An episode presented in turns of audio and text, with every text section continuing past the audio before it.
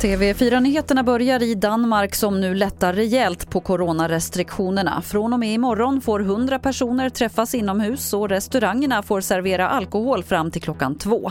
Och enligt landets justitieminister är målet att i stort sett samtliga restriktioner ska hävas i september.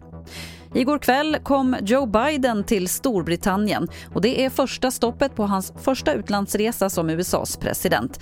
Biden ska på G7-möte träffa Nato och ska även träffa Rysslands president Vladimir Putin som då ska få höra ett och annat, verkar det som.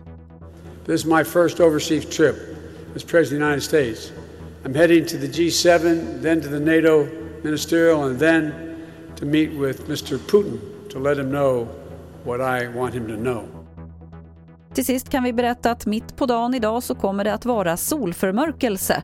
Delar av solen kommer att vara förmörkad och man kommer att kunna se det här i så gott som hela landet. Förmörkelsen kommer att börja vid 11.34 i södra Sverige och tydligast kommer det sen att synas längst upp i norr vid klockan 14.14. .14.